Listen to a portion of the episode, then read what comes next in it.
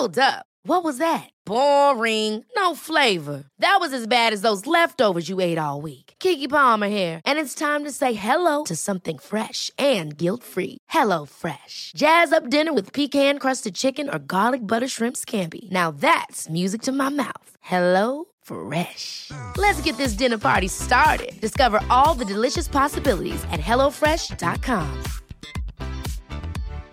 Here's a cool fact a crocodile can't stick out its tongue. Another cool fact you can get short term health insurance for a month or just under a year in some states. United Healthcare short term insurance plans are designed for people who are between jobs, coming off their parents' plan, or turning a side hustle into a full time gig. Underwritten by Golden Rule Insurance Company, they offer flexible, budget friendly coverage with access to a nationwide network of doctors and hospitals. Get more cool facts about United Healthcare short term plans at uh1.com. Many of us have those stubborn pounds that seem impossible to lose, no matter how good we eat or how hard we work out. My solution is PlushCare.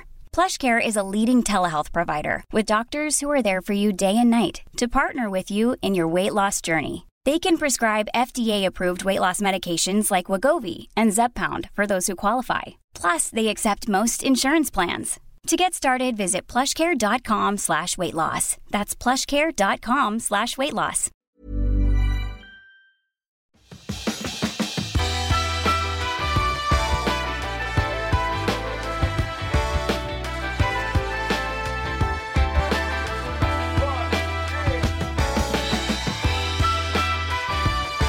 Hej och hjärtligt välkommen till Klimakteriepodden med mig Åsa Melin. Den här gången kör vi återigen fokus kring hormonhälsa på ett bredare plan. Som du förhoppningsvis har hört nu i de här senaste avsnitten så har det varit eh, lite större fokus än bara våra könshormoner. För vi består av så mycket mer än östrogen och progesteron. Vi fick bland annat höra Christian Benedikt, sömnforskaren, som talar om vad som händer med hunger och mättnadshormoner när vi inte sover bra. Maria Karlsson förklarade massor kring hur vår mag maghälsa kan trassla till alla möjliga system i kroppen. Och Ellen Engvalls intressanta avsnitt om lymfsystemet har tydligt visat att vi kan göra mycket själva när det gäller att påverka system i kroppen. Och här kommer ytterligare ett spännande avsnitt för dig som vill lära dig mer om kroppens signaler och saker vi kan påverka för ett friskt åldrande. Och det här avsnittet publicerades ursprungligen i september 2020 och gillar du Martina Johansson så har hon sedan dess också varit med i avsnitt 192 som fördjupade ytterligare kring vad man kan göra själv för sin egen hälsa genom att tolka signaler och ta tag i dem på ett sätt som fungerar för dig. För är det någonting som vi har lärt oss så är det att vi är alla olika. Men kroppens grundfunktioner är ändå ganska lika. Så varmt välkommen att lyssna.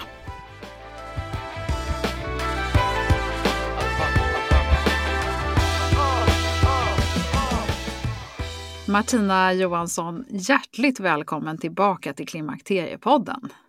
Tack så jättemycket.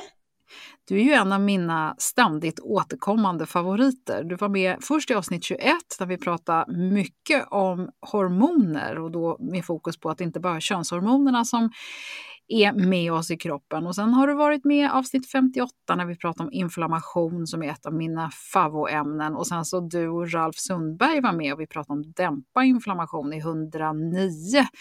Och eh, det här har ju alltid varit i anslutning till när du har släppt intressanta böcker. Och nu har du släppt en bok som jag verkligen tycker är eh, superintressant för mina lyssnare och mm. mig själv också. Nu har jag haft fördelen att läsa den redan själv. Men mycket tydligt, jag älskar den. Det här ja. är sån här... Nej, men när jag sa till dig så sa jag på riktigt så menar jag faktiskt det här är en bok som borde finnas i allas hem. För det här är inte bara fokus på kvinnor utan det är också fokus på män och fertila kvinnor och pubertet och så att säga, ja, Lite så här, eh, när jag var liten så hade man någon Dr. Spock eller något sånt där i bokhyllan hemma. Ja. det, här, det här får bli den nya. Du Martina, jag tänker att om det är någon som har missat dig så vill jag bara berätta att du är ju både civilingenjör och forskare. Eller, du håller på att plugga till forskare, håller på att bli doktor här. Ja. Och du har ju skrivit jättemycket populärvetenskapliga böcker om hälsa och kost. Och så driver du en fantastisk blogg som är superpopulär som heter Next Level Biohacking. Och det är inte så konstigt med tanke på alla hacks som du håller på med eh, på dig själv och så. Så den eh, tycker jag att man ska gå in och läsa på. Sen har du ju också ett spännande Instakonto om man vill följa Next Level Biohacking. Mm -hmm. Mm -hmm. Ja. Du Martina, kan du berätta någonting om lite bakgrunden till, till att du skrev den här boken? Ja, alltså bakgrunden till det var att jag jag började egentligen skriva om hormoner redan 2014 och eh, har gett ut ett par hormonböcker sedan dess. Och vad jag kände saknades var väl en riktigt bra sammanfattning för att jag fortsatte att få väldigt mycket frågor från mina följare och läsare eh, om till exempel om jag, om jag skrev om eh, hormoner, mer, alltså om jag skrev mer riktat till män så fick jag frågor från kvinnorna att de ville ha mer information och om jag skrev väldigt mycket kring ehm, eh, fitness och träning och till exempel eh, sånt, då fick jag mer frågor om fertilitet och skrev jag om fertilitet, då fick jag mer frågor om, alltså att det blir liksom så här, jag kände att, åh oh, herregud, jag behöver ju ha med, jag behöver ju ha en bok som är mer omfattande där jag har med alla de här grejerna i en och samma bok så att den kan rikta sig till fler personer samtidigt, samtidigt som den är liksom uppdaterad med senaste forskningen och eh, ja, massa ny information och sådär. Men det är egentligen ingenting som jag inte har pratat om tidigare, men jag har försöker prata om det på ett nytt sätt och försöker göra det liksom så, så lättillgängligt som möjligt för så många som möjligt. Mm. Det som jag uppskattar också är att du upprepar en del saker. Jag har ju läst den perm till perm, men jag tror mm. att många kommer använda den lite mer som en uppslagsbok. Yes. Och då är det så här, då går du direkt till kapitel si eller så. Så mm. därför så är det jättebra att, att man kan göra så utan att ha läst alltihopa och, och då missat hälften av det. Så att, nej men pedagogiskt upplagd, absolut. Mm. Och egentligen så vill jag börja lite bakifrån i boken. För jag vill veta hur, hur, hur beter man sig för att leva ett friskt liv länge? Du pratar om det friska åldrandet. Mm. Ja, och alltså det är ju egentligen en extremt omfattande fråga för att det är ju egentligen ingen som sitter inne med det svaret sådär med, alltså bombsäkert, utan jag tycker ju att man ska ha sig själv som eh, kompass liksom, eller man ska försöka studera sig själv så ingående att man förstår vad det är man mår bra av och vad man mår mindre bra av.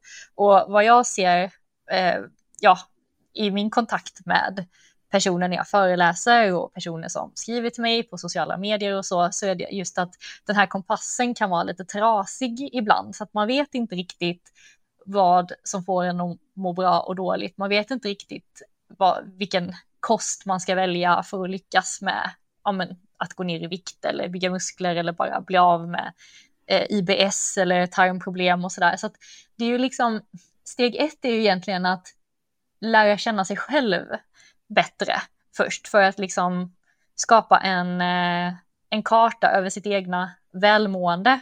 Och lyckas man göra det så behöver man inte lyssna så där jättemycket på vad andra säger, utan man kommer ju ha det här inre kunskapen om vad det är man ska undvika eller vad man ska göra mer av och sådär.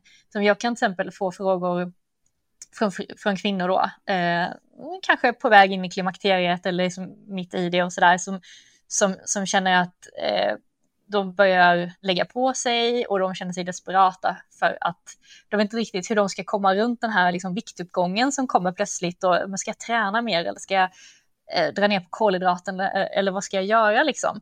Och, och jag förstår ju att eh, när förändringar, hormonella förändringar sker med kroppen så kan man känna sig lite handfallen att oj, nej men det här var ju inte beredd på.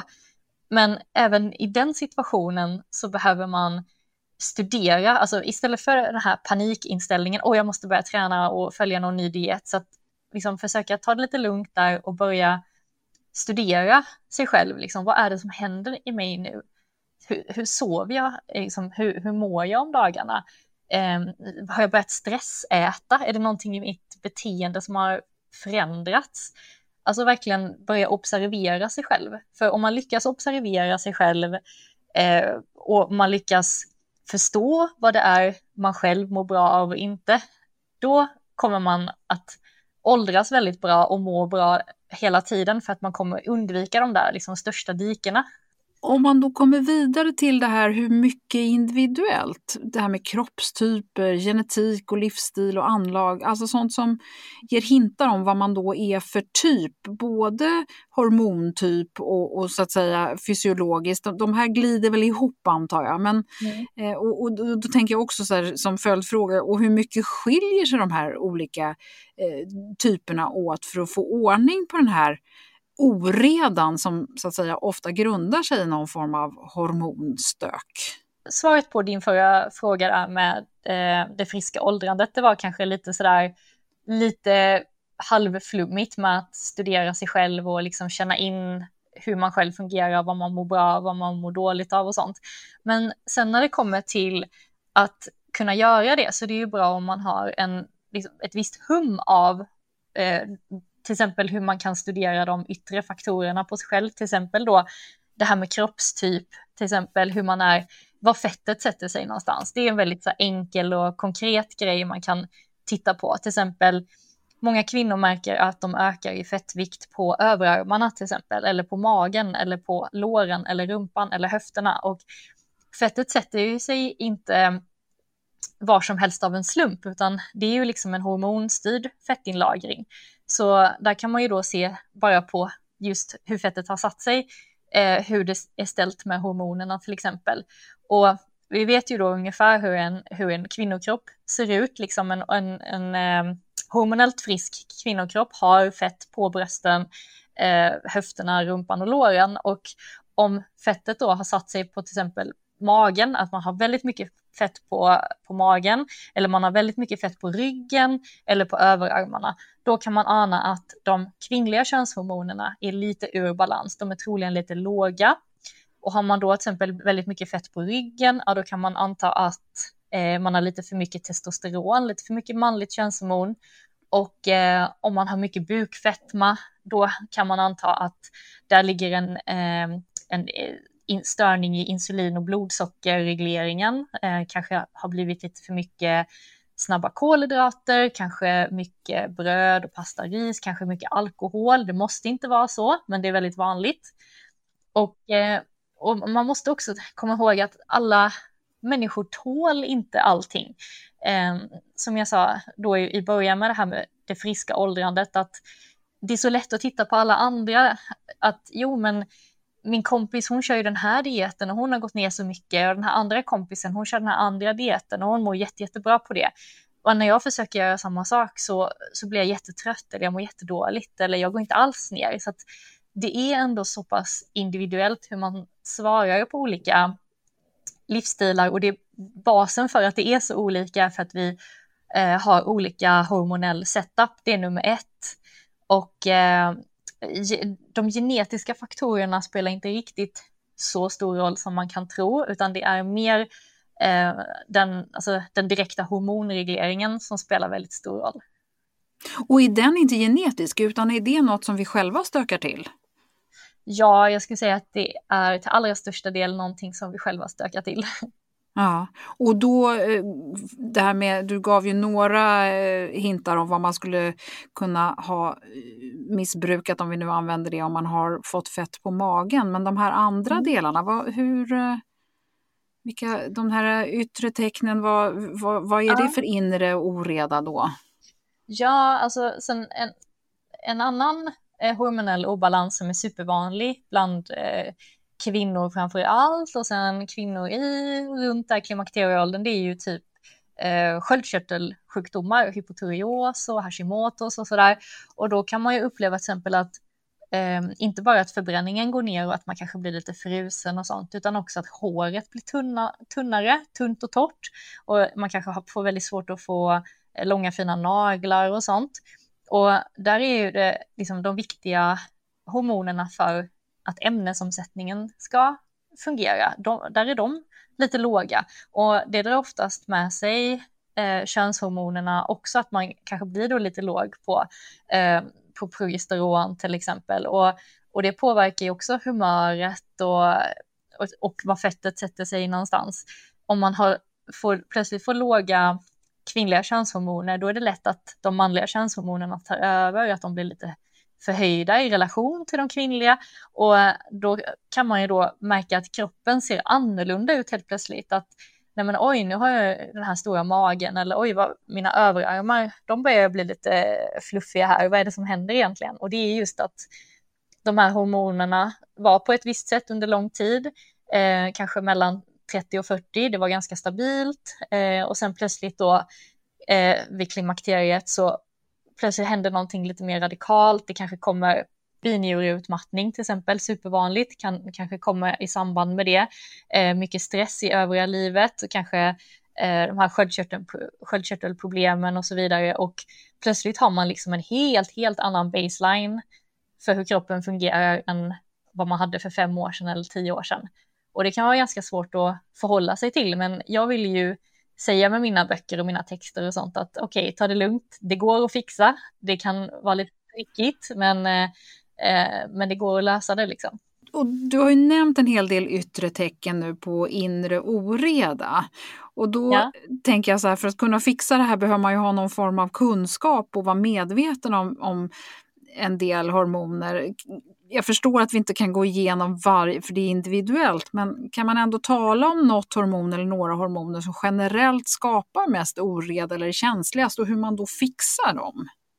Jag brukar ju prata väldigt mycket om insulin och insulinet har vi ju för att hantera blodsockersvängningar eller så fort vi äter någonting som höjer blodsockret så behöver kroppen frisätta insulin eh, för att ta hand om det och insulinet är ett ganska så eh, fettinlagrande anabolt hormon som man kan få väldigt mycket problem med. Och särskilt om man har då en väldigt eh, stor och frekvent insulinfrisättning eh, så kan det bli så att de här insulinreceptorerna i kroppen blir lite trötta och man drabbas av insulinresistens och man behöver inte ha en komplett fullständig insulinresistens i hela kroppen, då är man oftast väldigt överviktig också. Eh, och eh, om alla organ liksom i hela kroppen är maximalt insulinresistenta, då brukar man säga att man har nått sin absoluta toppvikt, för att den individen kan absolut inte bli större. Då är, då är liksom eh, all inlagring är maxad. Men långt, långt före man kommer dit så kan enskilda organ bli insulinresistenta.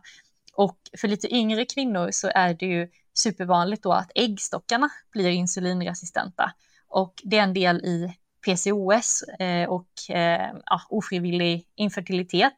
Men eh, sen så kan ju den här insulinresistensen också drabba tarmarna till exempel. Det eh, ger sina problem och insulinresistensen kan drabba hjärnan. Eh, det är typiskt vad man kallar för ja, Alzheimer eller demenssjukdomar, den insulinresistenta hjärnan. Eh, alla demenssjukdomar beror inte på det, men det är liksom en, en möjlig liksom, förklaring till demenssjukdomarna. Eh, så att insulinet då har den här liksom, en livsstil som tillåter ett väldigt ett väldigt svängande insulin brukar vara väldigt destruktivt. Ja, alltså eh, typ småätande eller konstant ja. reta, eh, är det det du menar? Ja, det är precis. Mycket småätande, det här liksom eh, kanske att man har liksom en godispåse i handväskan eller man äter mycket frukt eller man eh, går och tar sig liksom ett knäckebröd hela tiden. Liksom de små grejerna som i sig kanske inte är så jättefarligt. Men man kommer få liksom en blodsockerkurva som är väldigt svajig Ja, jag förstår. Den här insulinresistensen, är det det du skulle säga är grunden till många kvinnors ohälsa just runt klimakteriet? Ja, jag tror det, för att jag märker ju att dels det, men sen också finns det ju då, jag menar de här kvinnorna som jag pratade om innan som, som märker en kraftig viktuppgång i samband med klimakteriet och får panik och känner inte igen sina kroppar och börjar någon slags diet. Och det blir plötsligt en, en himla stress i det här att få tillbaka kroppen som den var innan. Eh, kanske typ ja, äter väldigt lite kalorier eller äter väldigt lite naturliga fetter och sådana saker som egentligen spär på den hormonella obalansen, särskilt då att man de, de, de kvinnliga könshormonerna är redan lite låga och man förvärrar tillståndet radikalt genom att träna som en tok och eh, eh, ta bort liksom väldigt vik mycket viktiga näringsämnen och viktiga fetter och sånt. För det är ju från fett bland annat som våra hormoner får sina byggstenar. Ja, alltså den här generationen som jag och många som lyssnar på det här eh, hör till, vi är ju vana vid att man man ska komma i en klänning till helgen och då kör man ner tre kilo snabbt som tusan. Och, sen så, och det har funkat. Det funkade kanske ja. när man var 20 men det funkar inte längre. Och, och då blir man ju ännu mer desperat och, och, försöker ta till mer och mer drastiska eh, saker. Och så är det, mår man bara sämre och sämre och sämre och sämre. Det blir ju liksom en, en ond cirkel för många. Och, ja, och, hur ska man då göra om man liksom inte trivs med de här extra kilorna? Nu finns det ju mycket annat i hälsa än vikt för, för guds skull. Mm. Alltså, det, men vi mm, kan ju mm, ändå ta den till att börja med. Jo, det, det kan bli lite tjatigt när man fokuserar på, för mycket på vikt. Och jag, jag vill egentligen undvika det, men samtidigt så är det ju väldigt mycket frågor som jag får som rör just vikt och som rör just typ vikt i samband med klimakteriet till exempel. Att ja, men vad ska jag göra nu? Jag har ju gått upp de här åtta kilorna nu, jag, jag, jag blir inte av med dem, vad ska jag göra? Eh, och alltså, jag brukar ju rekommendera en, alltså en lågkolhydratkost just för att det tar hand om de här oönskade insulinsvängningarna och det tillåter kroppen att ta av eh, fettreserven utan att man hela tiden går runt med ett högt insulin och insulin blockerar all fettförbränning. Eh, och sen så brukar jag också rekommendera att till exempel då höja upp fettintaget lite grann från bra källor, alltså typ fettkött, fet fisk, ägg, sådana saker. Så att kroppen får nog med byggstenar. Eh, och sen att till exempel då vara lite försiktig med för mycket eh, kaffe och koffein och sånt. Eftersom eh, har man väl passerat klimakteriet så är ju eh, äggstockarna producerar ju då inte så mycket könshormoner längre, utan det är mer binjurarna som har fått ta över den rollen. Och binjurarna producerar ju också stresshormoner eh, som till exempel kortisol och noradrenalin och sådär.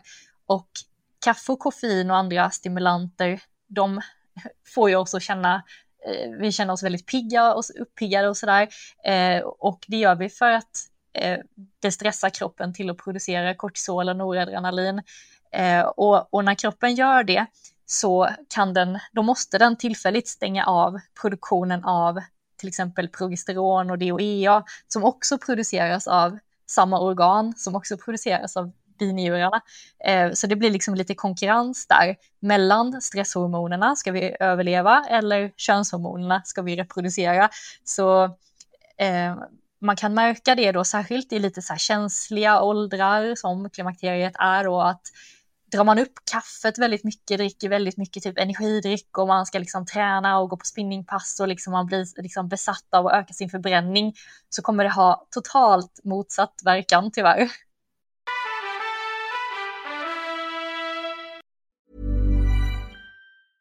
Selling a little or a lot?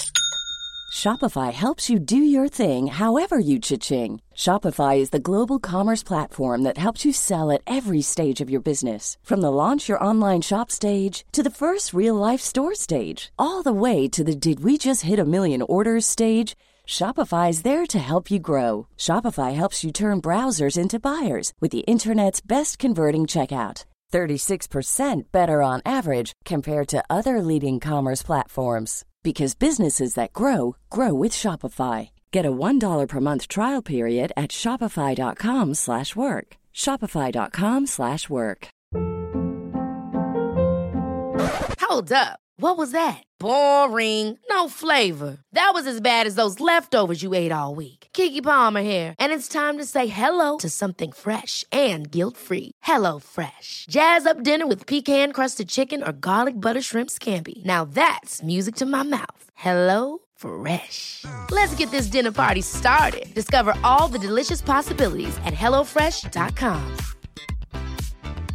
Quality sleep is essential. That's why the Sleep Number Smart Bed is designed for your ever-evolving sleep needs. Need a bed that's firmer or softer on either side? Helps you sleep at a comfortable temperature? Sleep Number Smart Beds let you individualize your comfort so you sleep better together. JD Power ranks Sleep Number number 1 in customer satisfaction with mattresses purchased in-store. And now, save 50% on the Sleep Number limited edition Smart Bed for a limited time. For JD Power 2023 award information, visit jdpower.com/awards. Only at a Sleep Number store or sleepnumber.com. Det är härligt att klimakteriets tabu äntligen är på väg bort. Vill man försöka klara sig utan hormonbehandling så finns nu många nya kosttillskott som lovar bland annat hormonell balans och som ska stötta brister. Jag vill lyfta min räddare i nöden, femarell. Det har inte bara varit min utan många andra kvinnors räddning i över 20 år. Och med lång tid på marknaden, med nöjda användare, dessutom med 20 forskningsstudier så vågar jag säga att det kan vara en god idé att prova femarell. Femarell finns på apoteken och i hälsokostbutiker. Tack femarell, som varit min samarbetspartner i många år.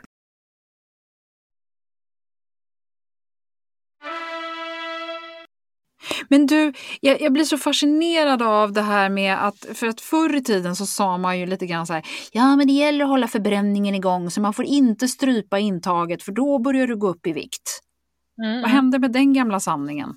Det är inte helt osant egentligen, för att jag menar, går man runt och svälter så anpassar ju kroppen, kroppen anpassar ju sig till det också, så att om man alltid ligger på väldigt låga kalorier och gör det liksom eh, Eh, Eh, månad ut och månad in och år ut och år in, jag menar då, då kommer man ju upptäcka att till slut kan man inte äta som man kunde göra innan för att förbränningen har blivit liksom kroniskt sänkt. Ja, att försöka hålla igång systemet, men jag menar med vad håller man igång? Det är det att hela tiden ta liksom en, en knäckemacka eller liksom en liten skål gröt eller som får blodsockret att svaja upp och ner hela tiden eller underhåller man systemet med riktig mat, liksom med måltider som min frukost som jag berättade om innan, liksom, som bestod av fem ägg.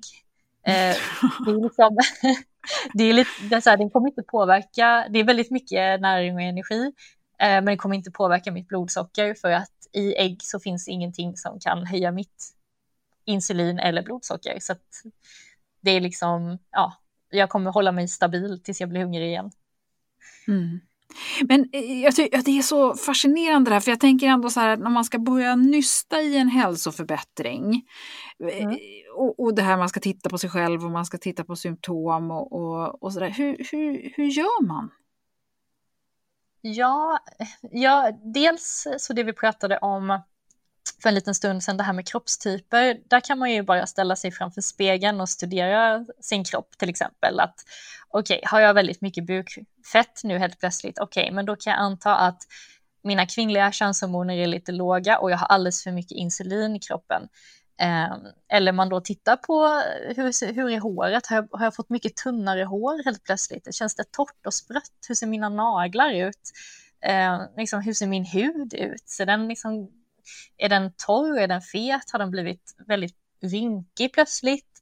Eh, och sen också då hur, jag menar att eh, vara lite medveten om typ toalettbesök och sånt. Så jag menar, både typ vaknar jag mitt i natten och behöver kissa tre, fyra, fem gånger. Det är också ett sånt där lågt östrogentecken. Eh, och det kan också, kan också vara problem, att man har problem med sitt blodsocker, att man har väldigt svängande blodsocker även under natten, kanske på, liksom på väg in i prediabetes Eh, och sen också såklart liksom avföringsvanor och sånt och hur ser det ut? Det som, kommer, det som ligger i toalettstolen, liksom, ser, det, ser det normalt ut? Eh, är jag väldigt förstoppad? Liksom, Oj, har det nu gått en vecka sedan jag var på toa senast? Ja, det, det är ju, och då är oftast sköldkörteln ansatt om man har sådana otroliga problem att få gå på toa, att man behöver till exempel ta till laxermedel, att man alltid är på, på laxermedel som vissa är. Liksom. Och det är ju ett varningstecken då, till exempel. Men du, det här med att östrogenet sjunker, vi har ju så att säga inget val. Det blir ju så när man kommer i, i klimakteriet. Ja, absolut. Ja, absolut, så är det. Men jag vill mena att den här övergången inte behöver vara så dramatisk som den ibland är för vissa människor. Eh, vissa lider ju inte överhuvudtaget och andra mår jättedåligt och eh, det, allt möjligt konstigt händer samtidigt. Och jag menar att det är liksom ingen slump i vilket av de här lägren som man, handla, som man hamnar i, om det är så att man kan, man kan genomleva det och, och det går bra och man mår bra och man liksom känner igen sig själv genom hela liksom, processen eller om man är en av dem som då bara kraschar totalt och det kommer liksom en, en, en rad andra hälsoproblem på posten samtidigt. Det du säger nu egentligen är att de som har starka klimakterie, alltså symptom och mår dåligt mm. under klimakteriet behöver börja gå och titta på andra delar. Man ska inte bara liksom kasta sig iväg och skaffa hormonersättning. Det är lite så här som det har Hilde Löfqvist som ju är en gynekolog som har varit, som jag har högsta förtroende för. Hon har ju varit med flera mm. gånger. Hon säger att det är lite grann som att så i en eh, utfattig, utarmad jord. Det går liksom mm. inte att komma runt att man så att säga, måste ta, ta ett eget ansvar. Men det finns ju läkemedel för det mesta och du är ju väldigt mm. starkt för att man ska försöka reda ut grunden och inte bara gå på symptomdämpning. Och då tänker jag så att vården i det här landet är ju absolut inte riggad för det här. Så jag, jag tänker att man liksom, det här stora ansvaret som man har själv, det kan kännas lite övermäktigt. Ja, absolut. Jag håller helt med om det. Det är, det är för mycket ansvar på individen nästan och det är lite för lätt att gå till läkaren också och bara få någonting utskrivet. Det, det är ganska liksom billigt och enkelt att gå till vårdcentralen eller liksom gå till gynekologen om man får en tid och sen så får man något piller och man tänker att ja men okej men nu har jag gjort, nu har jag gjort mitt, det här var vad läkaren gav mig och nu ska de här problemen förhoppningsvis vara under kontroll. Men så funkar det ju inte riktigt, utan har man då hamnat med stora hälsoproblem så, så blir det ju tyvärr så att man måste ta en hel del ansvar själv för att återställa det och det kan ju vara så himla svårt att veta vad tusan man ska göra för då har man gått där liksom hela livet och trott kanske att man har gjort eh, ungefär så som alla andra gör och eh, ungefär ganska, skött sig ganska bra och så har man liksom inte alls gjort det utan det har ju blivit helt fel. Och, då, och, och, det är ju mycket skuld och skam och sånt i det också, att man, man okej, okay, men det här som jag trodde på, det, det funkade ju inte och nu har jag ju blivit, nu mår jag ju dåligt, vad ska jag göra nu och sådär och så, och så är det svårt att hitta vettig och bra information och man får liksom ingen sån här livsstilshjälp från sjukvården utan där är det ju bara snabbt en diagnos och sen medicin så att det, jag förstår verkligen att folk känner sig väldigt fast liksom. Det är ju väldigt individuellt vad man behöver. Jag menar, vissa kommer känna igen sig i till exempel titta på sin kost för att de vet med sig att okej, okay, jag vet att jag äter för mycket sötsaker och jag vet att jag, jag kan inte riktigt kontrollera eh, mitt, mitt matintag. Det, det, blir inte bra, liksom. jag behöver fixa det. Det är många som känner igen sig i det. Vissa vet att de kanske dricker lite för mycket alkohol, det blir lite för mycket vin och även om typ rödvin och sånt det anses ha väldigt mycket hälsoeffekter så kan det bli för mycket av det goda och det har då såklart negativa hormonella effekter. Eh, och sen så givetvis eh, hur mycket man rör sig. Jag menar, vissa tränar för mycket, andra tränar alldeles för lite. Vissa känner igen sig i det här att de borde träna men de kommer inte till skott. De vet att de är för passiva.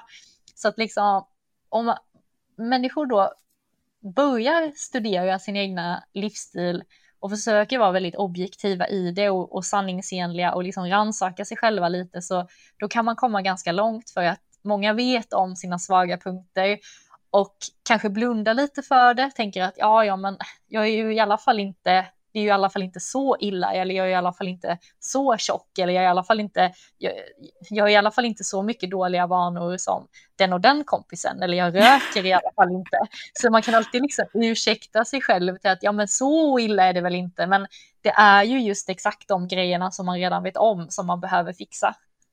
Ja, jag tänker det är så spännande när du säger det, för att kan ha en tendens att skylla på klimakteriet då. Så här, ah, men det är nog för att det är klimakteriet. Det är klimakteriets fel. Det är inte mitt fel utan det är den här mm. förbannade övergången som nu stökar till allting och det kommer försvinna om ett par år. Och det är mycket möjligt att det, alltså jag menar oftast så det blir ju bättre oftast liksom, eller så, eller, blir, eller så blir det sämre. Det beror ju helt på vad man har för inställning. Många blir väldigt motiverade att ta tag i, i sin livsstil för de blir lite chockerade av den här övergången. Oj, vad händer nu? Och då får den motivationen som kanske saknats innan.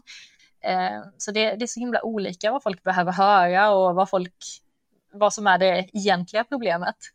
Mm. Eh, du pratar ju en hel del om vanor och skapa sig, eh, då om man nu blir peppad av att lyssna på det här, vilket jag hoppas man blir, eh, så, så talar du ju mycket om att, så här att det tar 18 månader innan man kan se vad en förändring faktiskt ger. Det jag säger med 18 månader och sånt, det är om man ska verkligen lägga om sin livsstil radikalt. Om man går till exempel från att vara väldigt överviktig till att vara en fit och vältränad person. Det går liksom inte på några veckor eller ens på några månader, utan det kräver liksom en ganska lång dedikerad period.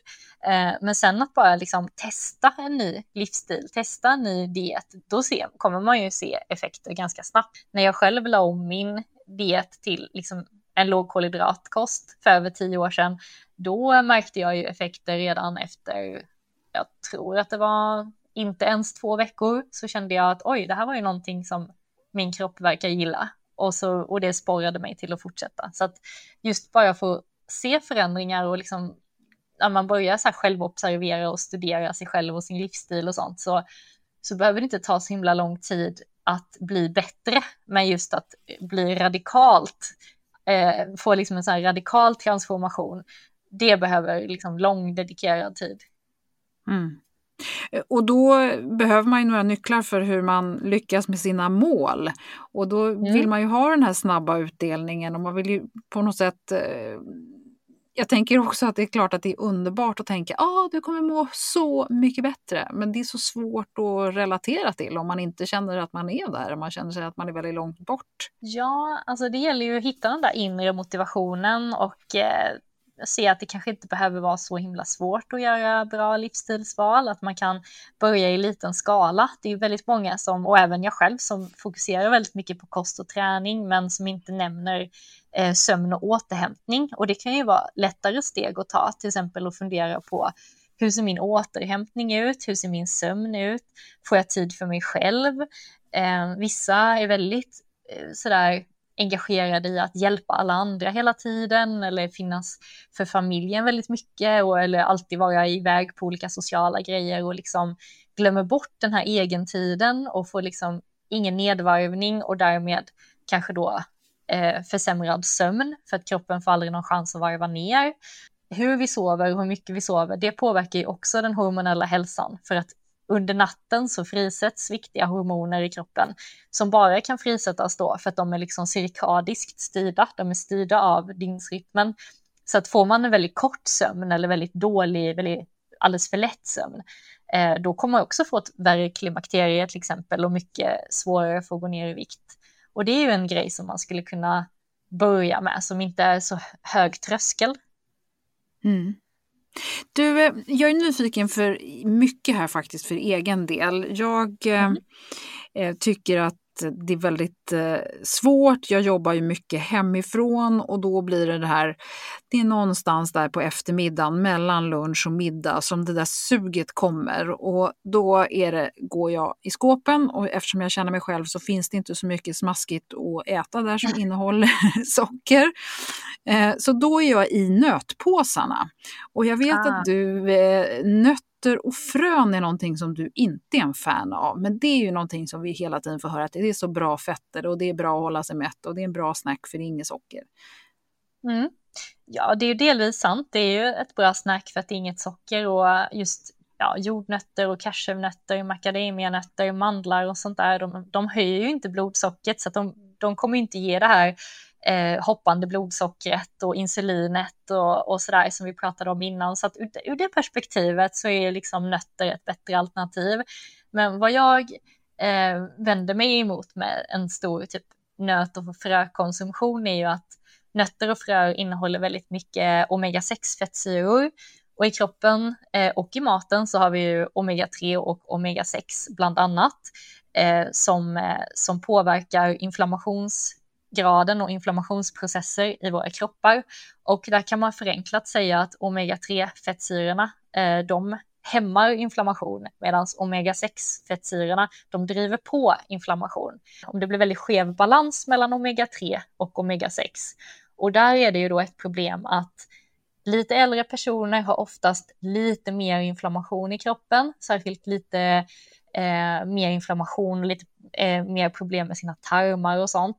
Och då, om man känner igen sig i det så kan det vara en idé att se över sin nöt och frökonsumtion om man äter väldigt, väldigt mycket nötter, väldigt mycket eh, nötsmör eller väldigt mycket eh, fröer på filen eller liksom fröknäcke och sånt. Då kan man behöva liksom eh, ta en liten paus där.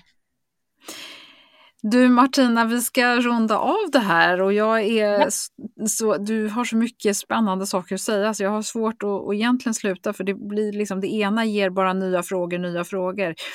Med tanke på den här utgångspunkten vi har här med alla kvinnor som är eh, någonstans 40 plus som eh, är merparten av de som lyssnar här.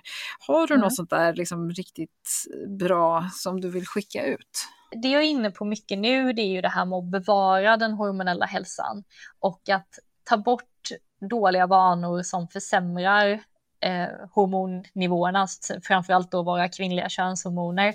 Och då, då, vill jag ju verkligen slå ett slag för att eh, vara lite mer försiktig med sin eh, kaffe eller koffeinkonsumtion eh, och allting som, som stressar kroppen. Alltså då menar jag inte bara eh, inte bara mental stress utan också metabol och fysiologisk stress. Så att man tänker att en stressad kropp eh, kommer, ha, kommer vara sänkt. Den kommer vara lite mer inflammerad och den kommer ha lite sämre hormonella förutsättningar. Den kommer vara lite mer benägen att lagra in fett och den kommer ha eh, liksom lite förtryckta könshormoner. Och i, i det här stressen då, frekvent, alltså hysteriskt eh, kaffedrickande där det blir kopp på kopp på kopp på kopp, alltså en liten kopp kaffe liksom per dag eller liksom kaffe på förmiddagen kommer ju de flesta undan med. Men när det blir liksom en kopp i timmen hela dagen eller liksom när det blir väldigt mycket viktminskningsfokus med väldigt mycket konditionsträning, mycket stress, ingen återhämtning, dålig sömn. Så att det är just den här stressbiten som jag har börjat prata om mer och som jag verkligen skulle vilja eh, ja, typ ta upp mer. Det, det, spelar verkligen, verkligen stor roll det här med liksom mm. sömn och återhämtning och stress. Ja, just det där. Men det tycker jag är viktigt eh, och, och jättebra att du säger. För stress, det är så, nej men jag är inte stressad, säger väldigt många. För man kanske ja. inte är mentalt stressad, men det betyder inte att man inte är stressad. Och jag tänker också det här med, det har vi pratat många gånger om i Klimakteriepodden, att själva klimakteriet i sig är en stress på kroppen på grund av den hormonella omställningen. Så det tycker jag var jättebra ja. att du tog upp. Ja, tack. Vad bra. Ja. Ja men eh, Martina Gisses, det, nu har du så att säga varit med här i eh, fyra gånger men jag hoppas att vi kanske får anledning att prata med dig eh, igen för det är många som uppskattar dig som gäst och jag är jätteglad för att du ville vara med här idag. Tusen tack! Ja. Tack så jättemycket, det var jättetrevligt som vanligt.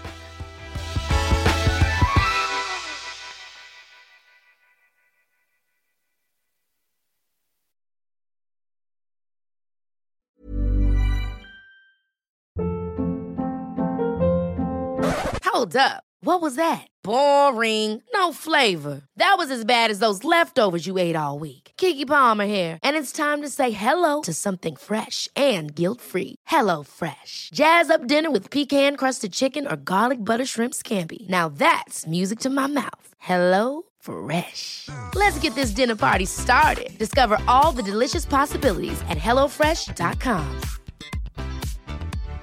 Hi, I'm Daniel, founder of Pretty Litter. Cats and cat owners deserve better than any old-fashioned litter. That's why I teamed up with scientists and veterinarians to create Pretty Litter. Its innovative crystal formula has superior odor control and weighs up to 80% less than clay litter.